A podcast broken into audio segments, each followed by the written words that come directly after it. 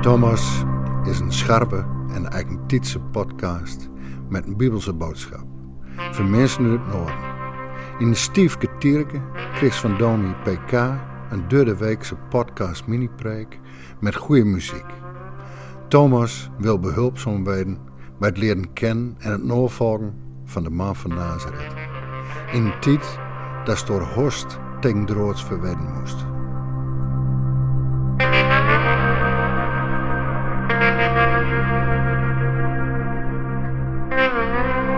Ben jij eigenlijk woke? Ben jij je bewust van maatschappelijke ongelijkheid? En alert op mogelijke uitingen van racisme? Besef je dat je niet de intentie hebt om racistisch te zijn, maar dat je het wel kunt zijn omdat je onderdeel bent van een groter geheel? Een groter geheel dat mensen achterstelt en negeert op basis van etniciteit? Ja, woke zijn is een woord dat uh, steeds vaker opduikt. Het is populair geworden door de antiracistische beweging Black Lives Matter. Het betekent zoiets als dat je anders en goed handelt omdat je bewust bent geworden, gevoelig bent voor onbewuste vormen van sociale en raciale ongelijkheid. En tegelijk krijgen die wokies ook steeds meer te maken met kritiek. Ze zouden te weinig oog hebben voor historie en tradities, overgevoelig zijn, bedweterig, soms zelfs agressief. En ze maken zich schuldig aan wat ze anderen verwijten. Wanneer een bekend iemand per ongeluk iets vrij onschuldigs, maar toch iets fouts zegt, ja, kan zo iemand zonder wederhoor publiekelijk gecanceld worden. En er zijn er daarom die zich hardop afvragen wat je dan nog wel kan zeggen, zonder iemand te beledigen. Kortom, het blijkt heel erg lastig om persoonlijk bewust te zijn van wat goed of van wat fout is. En het is nog lastiger om het samen eens te worden over wat moreel juist is. Daarom hoor je in deze podcast over de christelijke doop. Met die doop komt namelijk een moreel kompas mee. Een kompas dat je kan helpen om te kiezen tussen goed en kwaad. Het is een kompas buiten jouzelf dat je kan helpen om woke, goed, eerlijk en rechtvaardig te leven. De doop kan namelijk niet zonder een blijvend gebed om een zuiver geweten. thema bij deze podcast is blijf bij je doop. Christus is ja ook voor eenmaal en altijd om zonnen sterven. Hij, die onschuldig is, verschuldigen om jou bij God te brengen. Sterven is er als mens van vlees en bloed, maar weer levendig gemaakt door de geest. Zo konden nog geesten in het gevang van het dodenrijk touw gaan en hun zijn boodschap kundig maken. Dat was een tijdend dat douden steeds nooit nog God lusten wilden. Dat was in tijd van Noach, dat God geduld haar en hem aak bouwen luid. En in die aak werden maar stukken wat mensen, acht met elkaar, red van het water.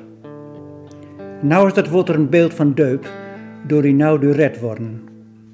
Door wordt naar het lichaam met schoonwassen, nee, het is een vrogen aan God om zuiver gewijden. Want Jezus Christus is opstaan.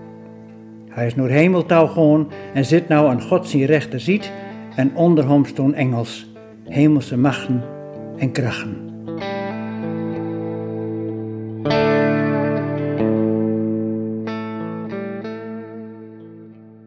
Er zegt in 1 Petrus 3, vers 21, dat de doop niet een magisch ritueel is, waardoor je automatisch, los van je goede of slechte levensstijl, onderdeel van de volgers van de weg blijft. Nee, de doop is een beloftewoord van God dat vol verlangen wacht op een antwoord. De doop is namelijk een voortdurend gebed aan God om een zuiver geweten, zoals Petrus het schrijft. Zodat het in je manier van leven zichtbaar blijft dat je gedoopt bent.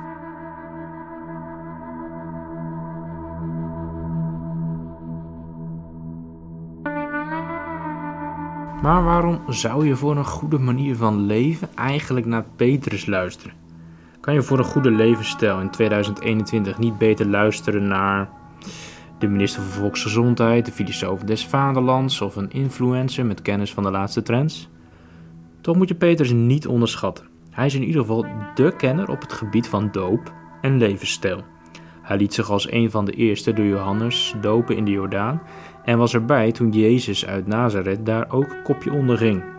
Hij maakte alle hoogte- en dieptepunten mee in het leven van Jezus en riep met Pinkster als eerste dat iedereen zich in zijn naam kon laten dopen. En hij doopte de eerste complete wat toen heette heidense familie van Cornelius. En vanaf toen ging het evangelie en de bijbehorende levensstijl de wereld over. En tot op de dag van vandaag is die manier van leven, goede manier van leven van Jezus Christus, wereldwijd de meest invloedrijke levensstijl die bestaat. En Petrus is de rots waar die beweging op is gebouwd.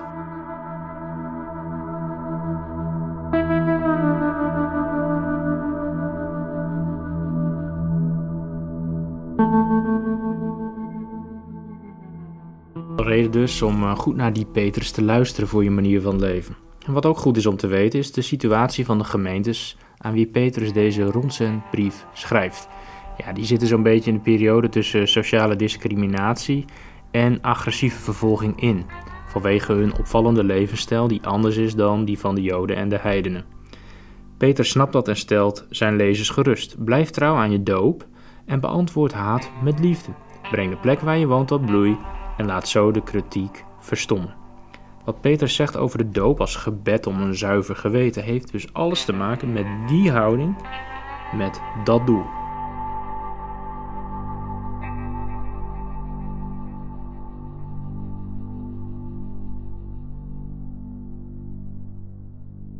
En dan nu die tekst eh, van 1 Petrus 3, vers 21 over de doop waar het om draait. Het is een lastig te vertalen tekst, waar veel discussie over is. Ja, dan heb ik het nog niet eens over wat ervoor staat over gevangen geesten in de tijd van Noach. Petrus zegt in die vers eigenlijk een aantal dingen.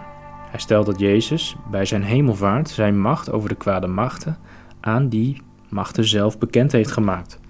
En Petrus neemt daarbij de geesten uit de tijd van Noach als een extreem voorbeeld van ongehoorzaamheid. Misschien bedoelt hij wel de godenzoon uit Genesis. En daarnaast vergelijkt hij de doop met de zondvloed en de ark van Noach. Het wateroverschot van de zondvloed was vernietigend, maar het diepe water van de doop brengt redding.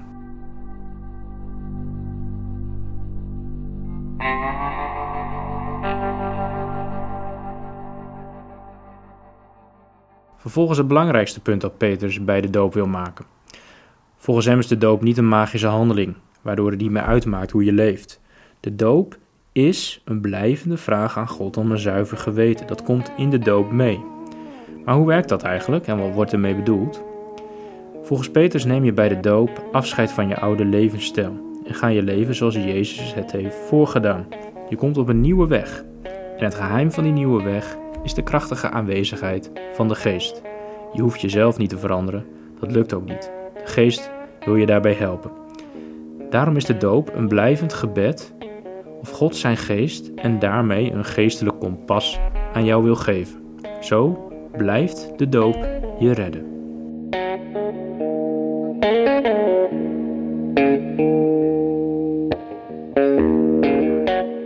Blijf bij je doop en vraag aan God in gebed of Hij jou een zuiver geweten door zijn geest wil blijven geven. Dat klinkt mooi, maar wat is een geweten eigenlijk precies?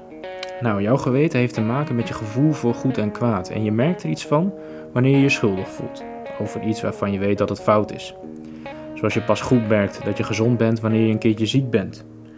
Vorige week reed ik rond in een leenauto omdat ik uh, de koppelingsplaat van onze auto uh, gesloopt heb.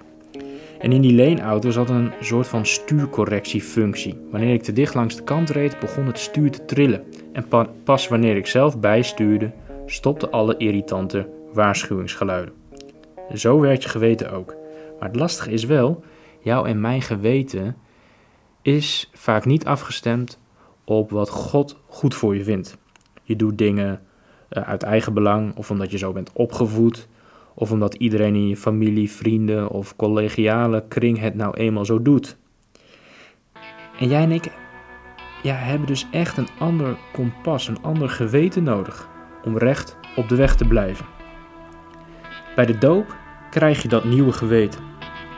En als je blijft vragen om een goed kompas, wil de geest die aan je blijven geven. Omdat Jezus Christus niet alleen is overleden, maar ook is opgestaan, kan hij mensen in het hier en nu kracht geven om anders goed en woke te leven.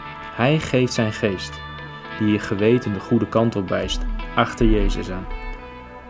Eigenlijk komt het kort gezegd ja, op het volgende neer. Vraag God, steeds weer biddend, of Hij jou een zuiver geweten wil geven. En blijf zo bij je doop.